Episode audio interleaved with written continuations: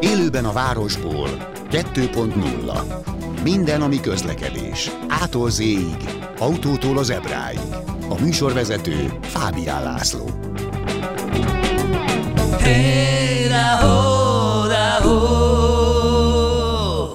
Jó napot kívánok, köszöntöm Önöket!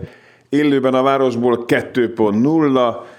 A mai adásban korábbi műsorokból válogatunk. Lesz némi vezetéstechnikai ügy, de mindenek előtt az autó kibocsátásának szigorításáról beszélgetünk. Hey,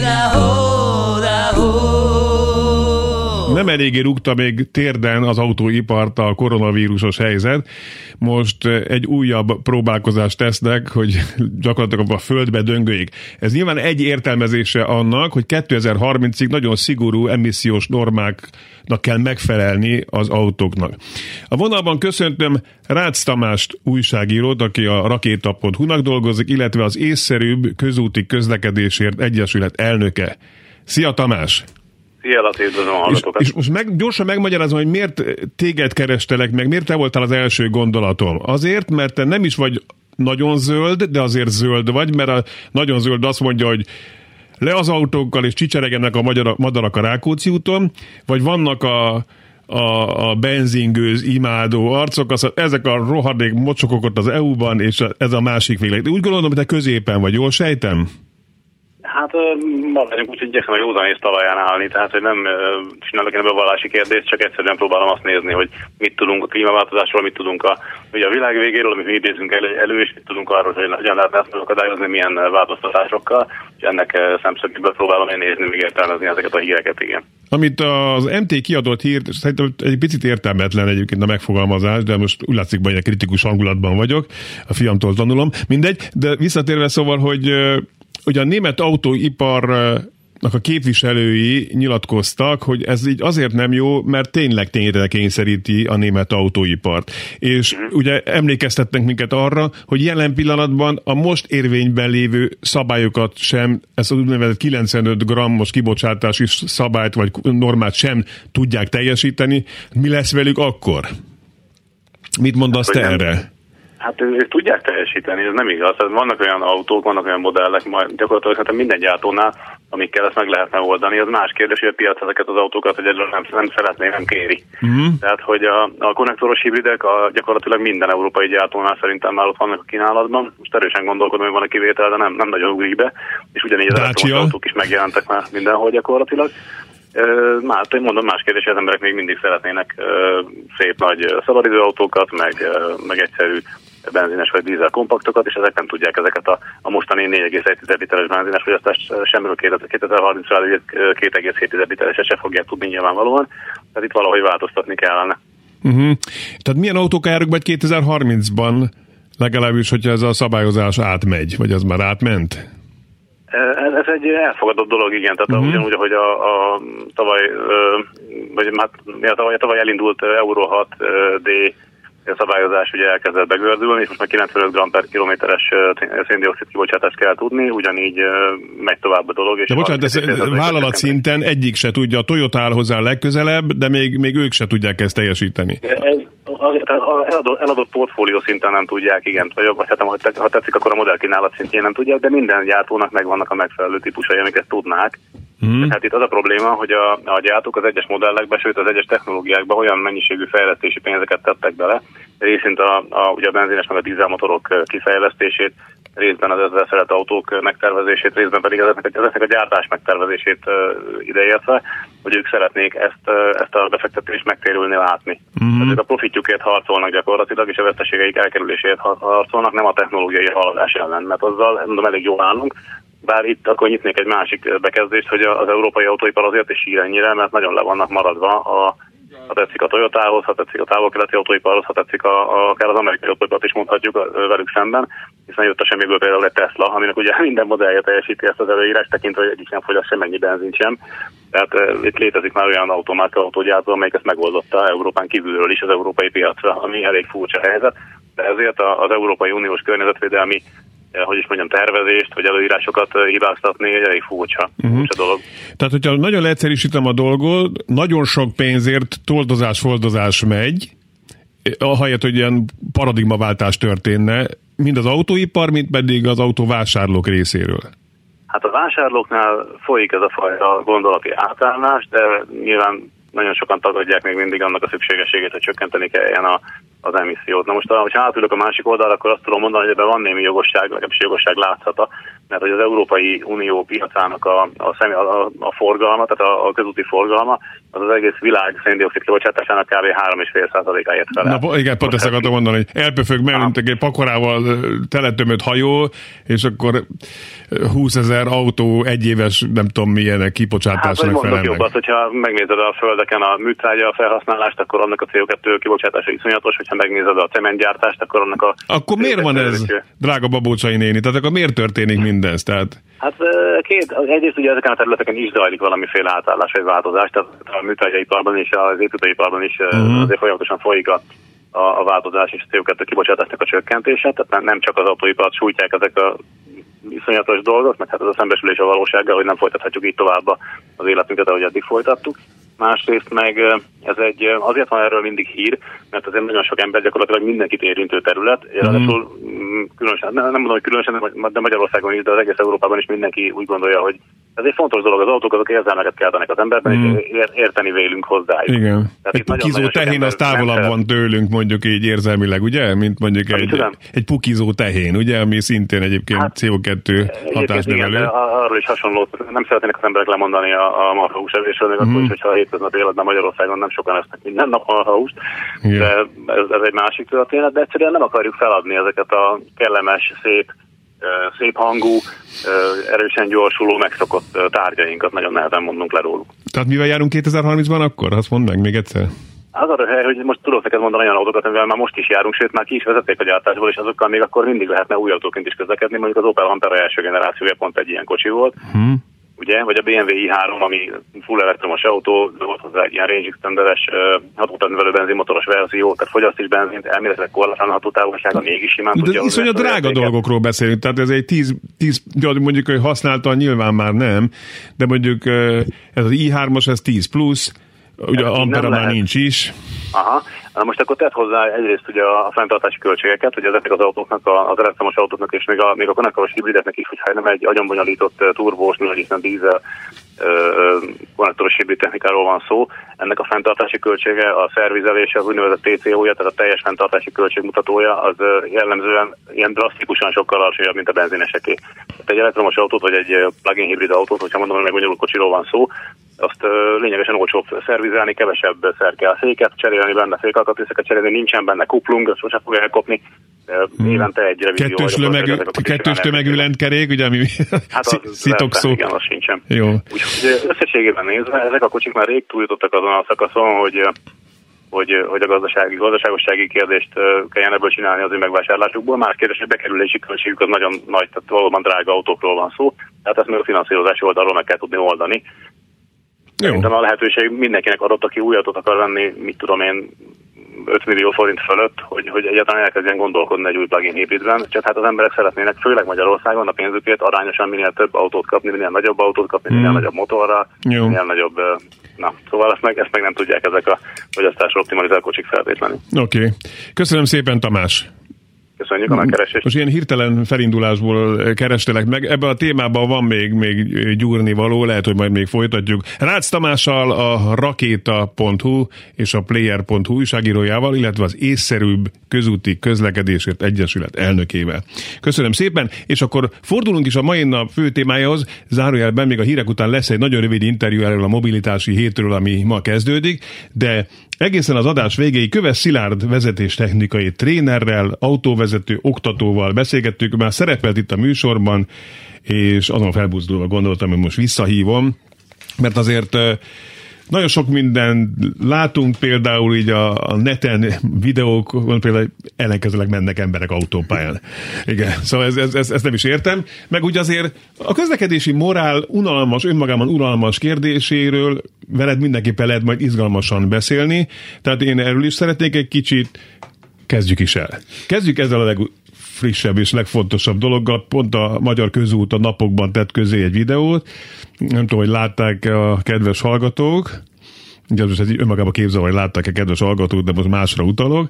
Tehát valaki az autópálya felhajtóján áll, amit eleve nem nagyon szokás, ugye, indexel balra, majd fölkaranyarodik ellenkező irányba az autópályára, utánfutóval. És az autópályán szabályosan közlekedő jármű próbál szegénykém helyezkedni, de hát nem tudott, a kettő közé, tehát az autó és az utánfutó közé csapódik bele, írja is a videó, teljesen a csodával határos módon senki nem sérült meg. Hát és bocsánat, bocsánat, a becsapódó autó, valaki szabályosan ment, azt hiszem, hogy három vagy négy gyerek utazott az autóban, csak zárója bezárva. Szilárd, szóval mi a vélemény erről? Miért történik ilyen? Először... Mit, mit rontotok el, mint oktatók? Ezt a kérdést vártam, szép jó napot kívánok a kedves hallgatóknak. és mindenek előtt azzal kezdeném, ha már így meglettünk szólítva, mint oktató, hogy azt gondolom, hogy én még olyan oktatót nem láttam, aki azt tanította volna, hogy piros lámpán át kell haladni, gyalog mm. átkelőhely előtt nem kéne megállni, vagy adott esetben egy autópályára szembe kellene felhajtani. Uh-huh. Tehát ilyet mi nem tanítunk. Azt nem merem állítani még véletlenül sem, hogy mindenki, aki kikerül a kezünk alól, az a legélesebb kés a fiókba, hiszen azért azt tudjuk, hogy ez egy forgalmi vizsgával zárul egy ilyen képzés. A forgalmi vizsgán voltam vizsgabiztos is, oktatóként is átéltem, tehát azért látunk csodákat. A legjobb ember nagyon alul teljesít, akiről meg azt gondoljuk, hogy hát levezette az óráit, esélye nincs, az meg megtátosodik. Most tesznek vannak ilyen hatásai. Kérdésre visszatérve pedig mindenképpen azt kell mondanom, hogy valóban a csodával határos mód, hogy a négy gyerekből senki nem sérült meg. Többször megnéztem a felvételt, és hát teljesen elrémültem, hogy ilyen megtörtént. Tehát, eleve, tehát index, ez nem véletlenül hajtott ellenkező irányban. Pontosan, tehát hát, ő, ő megpróbált megfelelni a saját maga által generált szabálynak, hogy ő balra akar kanyarodni, ezért indexel, és megvárja, hogy befordulhasson és nem tűnt fel neki semmi, pedig azért rendesen ki van ott táblázva, elséten ilyen évű kanyart én még nem nagyon láttam, ahova így kéne bekanyarodni, tehát millió. A csíkozás vezeti is. Abszolút. Hát Tehát ő át is ment a Járda szigeten. Szigorúan. Igen. Ö, és egész egyszerűen azt mondom, hogy a vészcsengőnek már ordítani kéne benne, hogy ez így nem lehet jó, de hát nem ordított. Aki pedig érkezett, azt is többször megnéztem, és úgy nagyon elgondolkodtam, hogy hogy vajon hogy sikerült neki ugye pont a gépes és az utánfutó közé kerülni, tehát nyilván ö, először is nem hitt a szemének. Tehát uh-huh. Ugye tudjuk, hogy amikor vezetünk, akkor látunk egy csomó információt, ezeket föl kell dolgoznunk, ez mind-mind-mind idő, és utána döntéseket kell hoznunk. Tehát biztos vagyok benne, hogy először azt mondta, hogy ilyen nincs csak a mesében, aztán elkezdett valamit gépészkedni, hogy lehetőleg ugye elkerülje az ütközést. Ennyit sikerült összehozni, hogy nem tudta, hogy előtte próbáljon elhaladni, mögötte próbáljon elhaladni. Elkerülhető lett volna baleset szerinted? Hát Így, én, hogy a videót látva. Én azt mondom, hogy innen nagyon könnyen mondhatunk bármit. Igen, de te értesz is hozzá. De... Én azt gondolom, hogy nagyon-nagyon szerencsés esetben egy nagyon-nagyon felkészült gépjárművezető talán tudott volna úgy ténykedni, hogy, hogy nem lesz ilyen jellegű baleset, tehát hogy nem megy neki a járműveknek, de azt tudjuk, hogy veszélyhelyzetben mindig kettő dologból van kevés, helyből és időből, mm. és itt mind a kettővel nagyon be voltunk szorítva, plusz még az autópálya sebességről beszélünk, tehát amit mondjuk 50-70 százal simán megoldok, az 130-al nem biztos. Mm az az emlékeim, hogy a videót, most föl, fölidézem, hogy a szabálytalankodó autó mögül, tehát az autópálya felhajtón állt mögötte autó. Úgy emlékszem, hogy talán még ketten meg is próbáltak tovább menni, ugye nyilván De akkor mi, állni, mi a megoldás, hogy akkor vagy dudálok, vagy tehát hogy az ő attitűdjükben mi lenne a helyes, tehát vagy kiszaladok, tehát állj már meg te nyomorult, hogy nem menjél ellenkezőleg az autópályán. Nem hiszem, tehát ők valószínűleg pont ugyanazt élték át, amit az az autóvezető, aki tehát ez egy pici sok az emberekben? Igen, hogy... tehát egyszerűen nem hiszi el, hogy, hogy ő ezt most komolyan így látja, tehát megáll, lebénul, nézi, tehát majd csak uh-huh. meggondolja magát, és mire megmozdulna, addigra gyakorlatilag már megtörtént az uh-huh. esemény.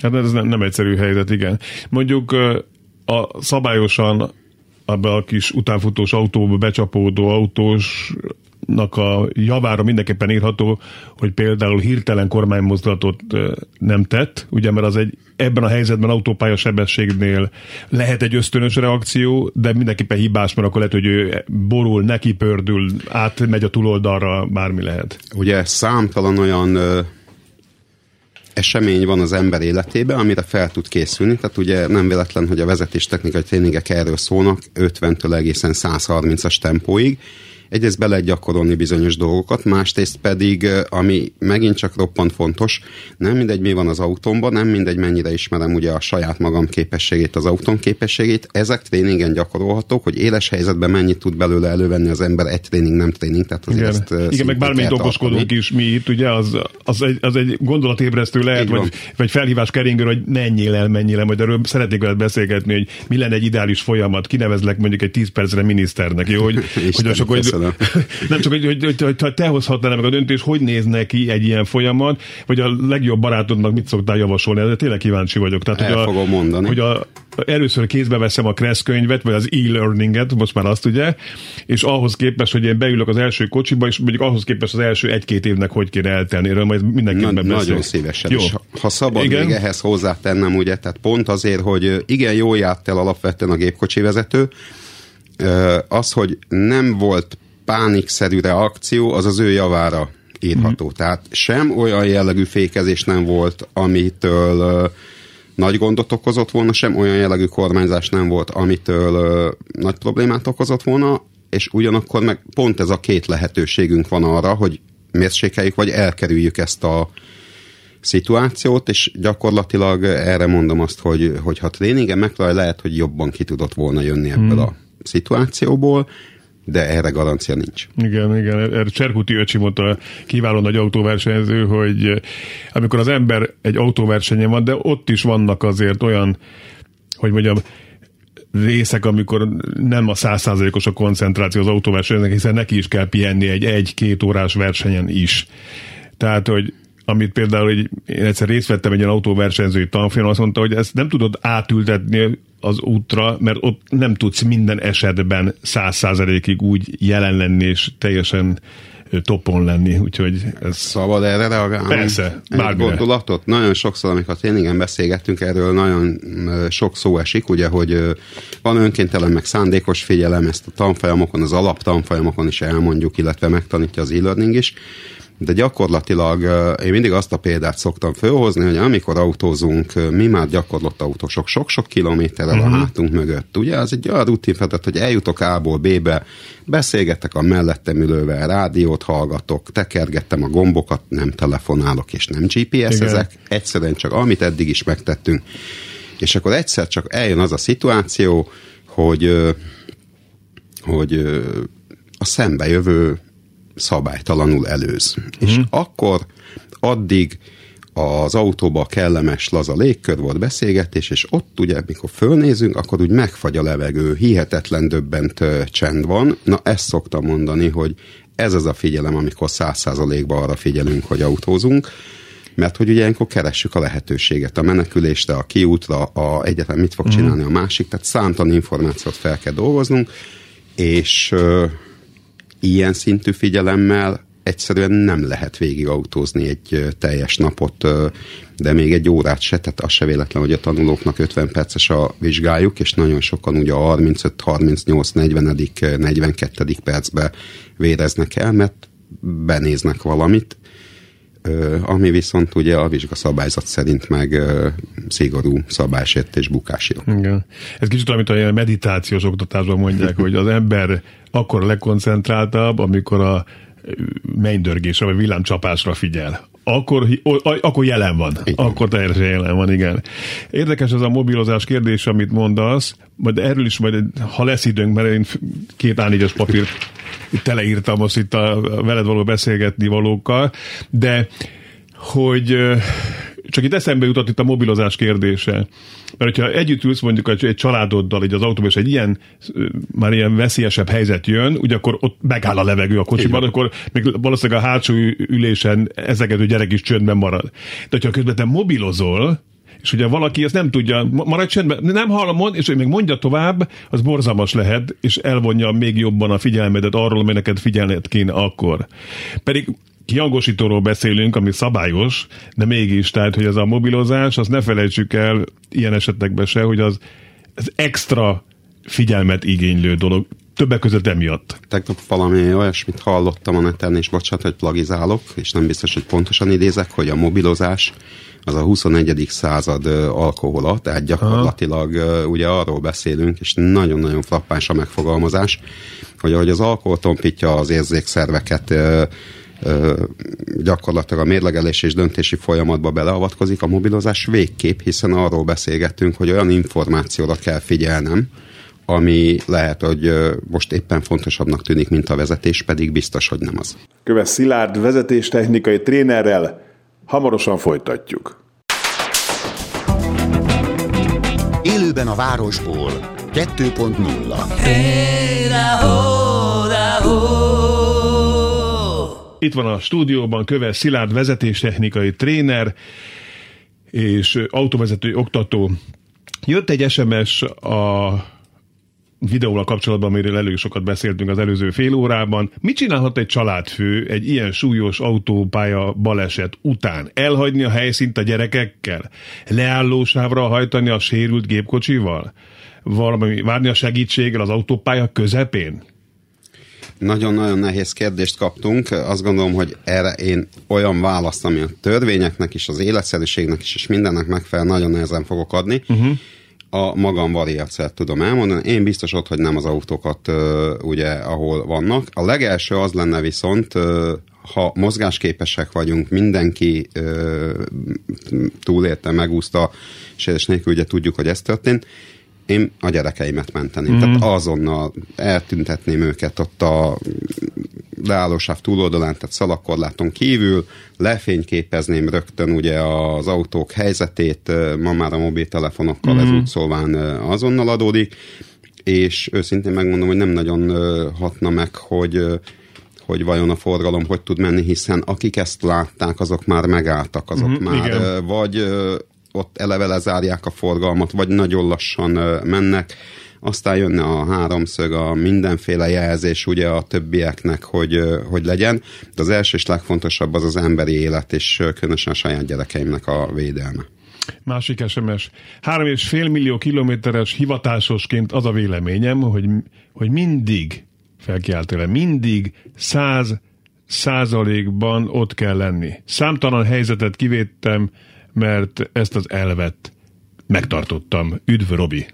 Robi, én azt gondolom, hogy üdv a klubba, én is ezt vallom, ugyanakkor meg azt gondolom, hogy nem tudok egyszerűen, tehát ha én tíz órát oktatok egy nap, ahol a figyelek a tanuló helyett, uh-huh. a mhm. többiek helyett, magam helyett, tehát csodák nincsenek, valahol egyszer egy-egy másodpercet ki kell venni, és nem vetlen, hogy mondjuk két óra között 10-15 perc szünetet tart egy oktató, mert hát hiszonyatosan lefárad, de igen egyetértek. Amikor vezetek, akkor azzal kell foglalkozni, és persze a rutin meg az előrelátás az, az nagyon sok helyzetet meg tud oldani, mint hivatásos pontosan tudod, vagy tudja, hogy számtalan olyan helyzet van, amikor a másik résztvevő azt se tudja, hogy te megmentetted az életét, és te már elhúztad egy picit a kormányt, te mm. már elvetted a gázt, Igen. te már helyezkedtél úgy, hogy ő neki ne legyen baja.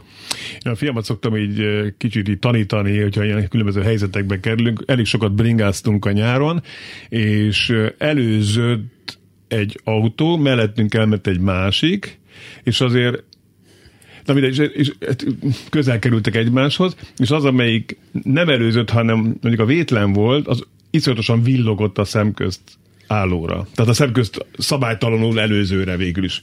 És mondtam, hogy tulajdonképpen igaza van, de mégse kell villogni, mert az, az embernek nyilván a zapszem már ott van a megfelelő tagjaiban, tehát hogy még, még pluszra ráparáztatok azzal, hogy villogok, nyilván tudja, hogy hülye. Tehát akkor nem kell ezt most még, tehát nem kell mindig a magunk igaz, igazát ebben a veszélyes üzemben érvényesíteni. Igen, ezt is azért szeretném, hogy számtalan ilyen kérdést kapok, akár tréningeken, akár egyéb vonalon, és mindig azt mondom, hogy itt gyakorlatilag nem autó, vagy kerékpáros, vagy nem jármű és jármű között van a konfliktus, hanem ember és ember között, hiszen mindegyik járművet ember vezeti, és tudomást kell vennünk, hogy nem egyformák a képességeink. Igen. Van, aki túlvállalja magát, van, aki nem, és sajnos nekem még egy problémám van itt reggel, illetve nem reggel, hanem az adás elején említetted ugye ezt a közlekedési kultúra kifejezést, én ebben nem hiszek. Én azt hmm. hiszem, hogy van kultúra, ami az élet minden területén olyan, amilyen, és a közlekedés egy nagyon-nagyon hatékony lakmuszpapír, ami kimutatja, hogy körülbelül hogy élnek, hogy gondolkodnak az emberek, mert nincs két személyiség. Ha mm. valaki erőszakos a közúton, az minden más helyzetben is erőszakos. Nyilván különböző mértékben. Itt a közúttal ugye az a nagy előny, ha úgy tetszik, hogy amikor ülök az autómba sérthetetlennek érzem magam, én vagyok a, az Atya Úristen, az történik, Igen. amit én akarok, és hogyha én valamit benéztem egy alsangon egy tonnás autóba, 50 14 métert teszek meg ugye egy másodperc alatt, tehát ha én ebbe az egy tonnába, ebbe az egy másodpercbe valamit benéztem, annak viszont rettenetes következményei lehetnek, de hát így nem lehet napi szinten autóba ülni, csak nem ártana ezzel foglalkozni egy picit néha. Mik a tipikus hibák egyébként, amit úgy általában az autóvezetők elkövetnek, és amire most ezen a fórumon így föl lehetne hívni a figyelmüket, hogy figyeljenek oda? Hát ugye köztudott vagy, azt gondolom, hogy valamennyien tapasztaljuk, az a fajta ö, irányjelző használatnak az egyre inkább elmaradása. Uh-huh. Aztán ö, én úgy érzem, hogy a, a ma Magyarországonak lesz inkább ajánlás, mint törvény, tehát mindenki úgy értelmezi, hogy neki ez ö, jó legyen és megpróbálja megtalálni ezt a paragrafust, ami alapján neki lehet igaza én halkan súgom ezt is, ugye, hogy dobálózik a Kressz folyamatosan ilyen szavak, hogy akadályozás, veszélyeztetés, zavarás, és valamikor régen magyarázó részben le volt írva, hogy mi mit jelent, ma már nincs leírva, tehát mikor azt mondom, hogy nem akadályozhatom a mögöttem gyorsabban haladót, akkor nem tudom, hogy mire gondolok. Talán öt, de lehet, hogy tíz évvel ezelőtt még az volt a magyarázó részbe, hogy akkor nem akadályozom, hogyha az útra engedélyezett maximummal haladok Ma már ez hiányzik, és innentől kezdve ugye mindenki azt mondja, hogy ha én gyorsabban akarok menni, akkor te menj le ö, előlem, mert nem vagy te rendőr, nem büntethetsz meg.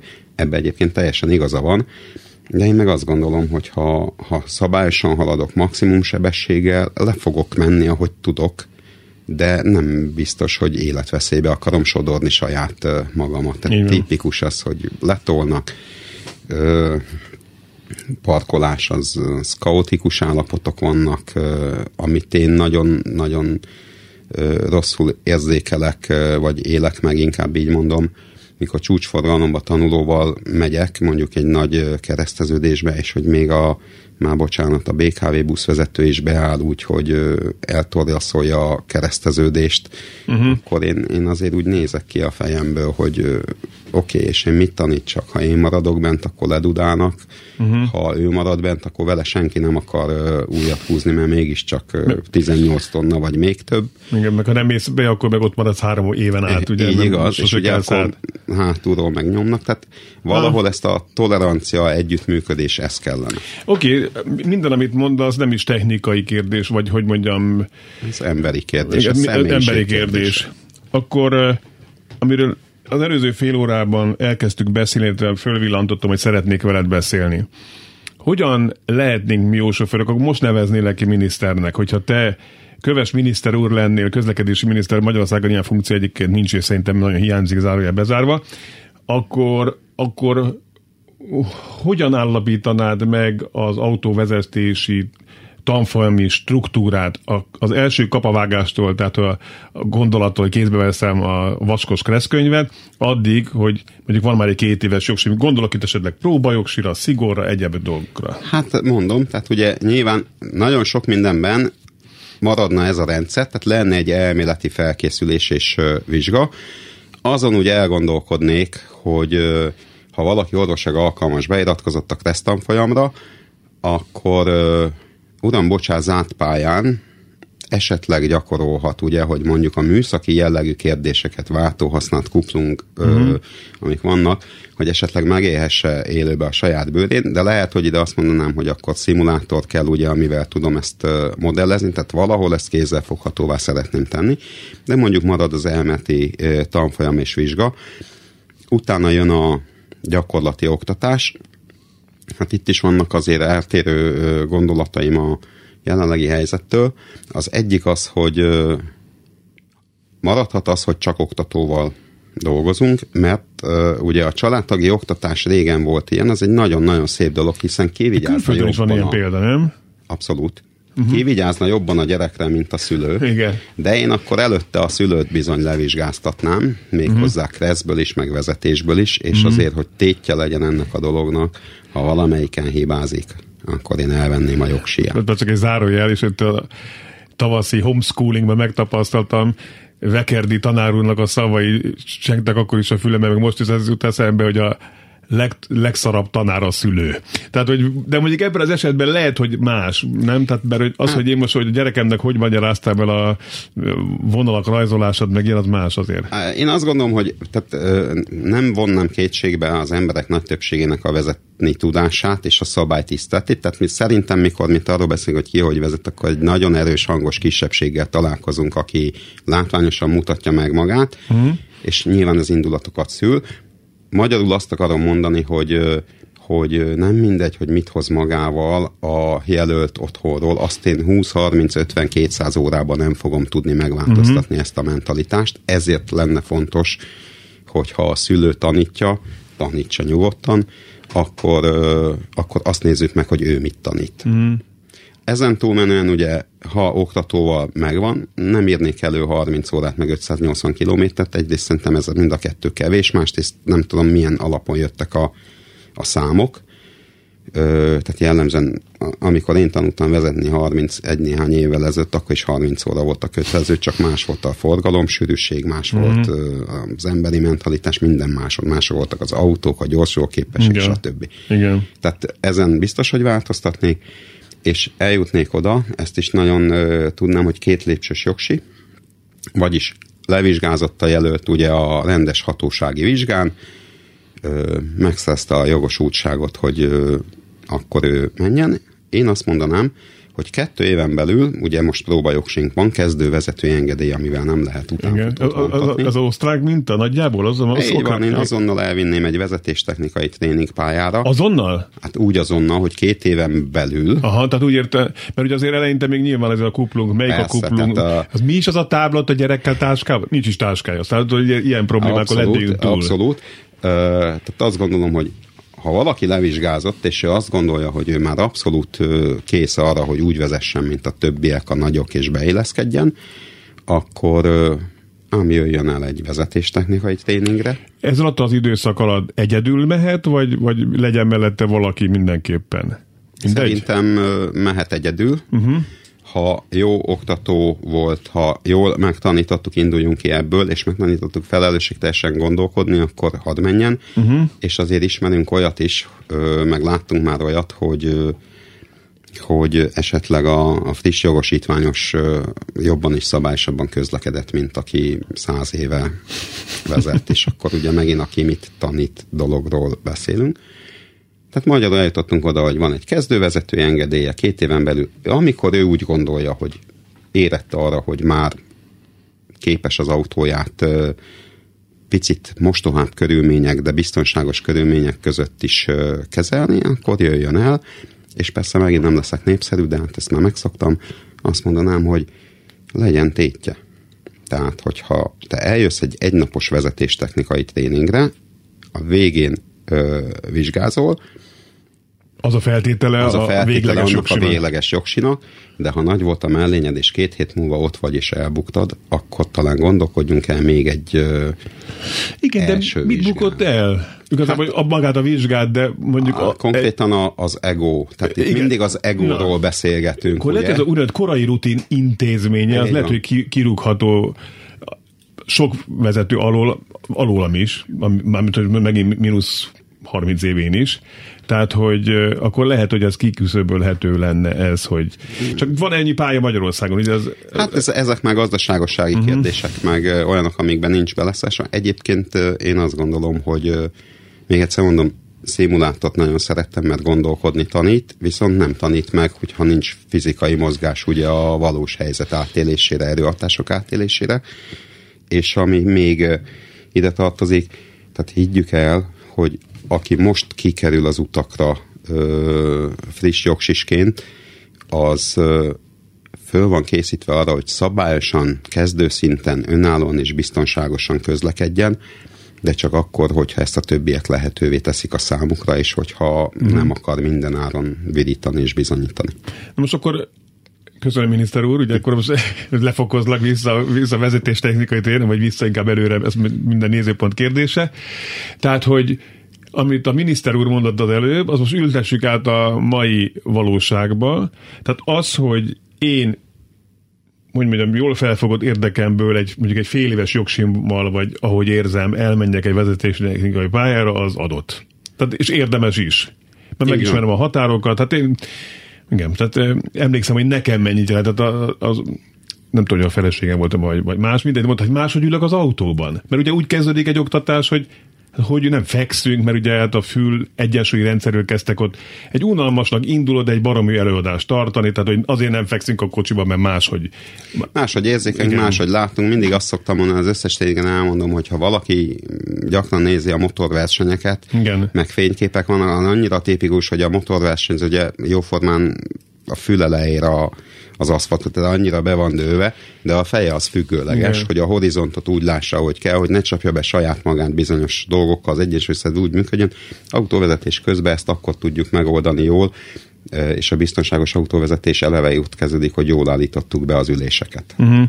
Igen, igen. Tehát, hogy ez adott nekem egy önbizalmat, kaptam egy jó visszajelzést, de ettől nem az a fajta egóm nőtt, hogy én vagyok a legjobb sofőr, hanem mert ott kaptam olyan hatásokat is, hogy azért mondjuk rántópadon, vagy nem is muszáj rántópad, egy nagy, nagy sebességű kikerülésnél, az első két, három, négy, tíz, húsz tudtam, hogy melyik, hol van a kocsi orra? Abban a kocsiban, amiben ülök, arra gondolok. Így, így, így. Tehát, hogy hát egyfelől nyilván jól esett az a visszajelzés, hogy jó, nyilván én vezetek legjobban Közép-Európában, azt most már tudjuk, de tudom, hogy mennyire tehetetlen vagyok egy 40-nél, mondjuk egy ilyennél, és akkor még 130-ról mondjuk visszatérve megint ehhez az ügyhöz, amivel kezdtük a beszélgetést, nem is beszélve.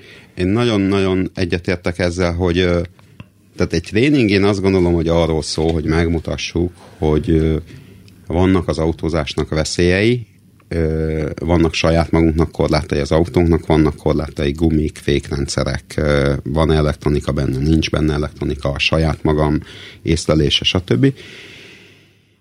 De attól az autózás egy örömforrás. Tehát én mhm. azt gondolom, hogy nagyon sok ember nagyon szeret autózni, én ezek közé tartozom. Ki gondolta volna? Vajon miért? Igen.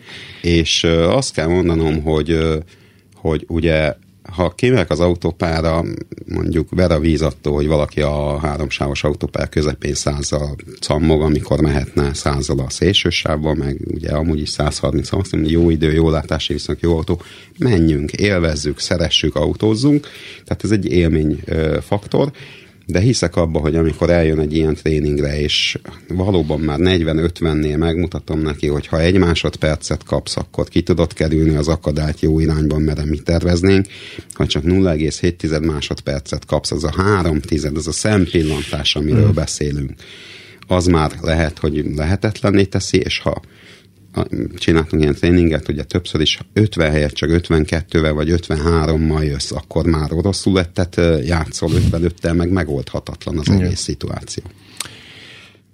Ugye mondtam az előbb, hogy egy két A4-es oldalt írtam Igen. tel az ötleteimmel, ugye elsőnek a feléig jutottunk, ugye most ünnepélyesen megígérett, hogy visszajössz hamarosan.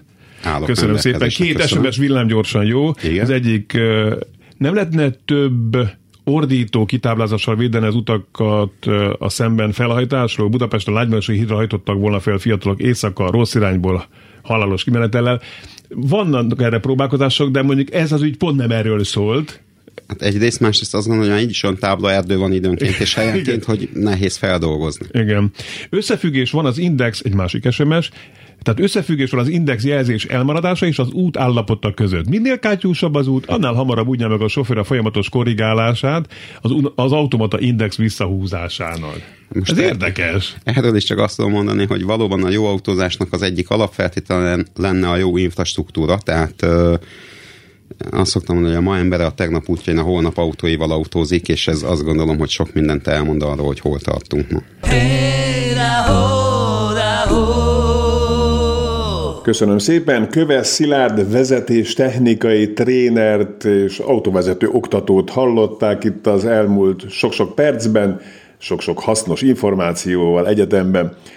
Ez volt az élőben a városból mára. Jövő héten folytatjuk, mégpedig Pető Attila Kressz professzorral, hogyha már szeretnének előre írni neki kérdéseikkel, tegyék meg az élőben kukac klubradio.hu e-mail címre élőben kukac klubradio.hu természetesen ékezettek nélkül, tehát eloben kukac.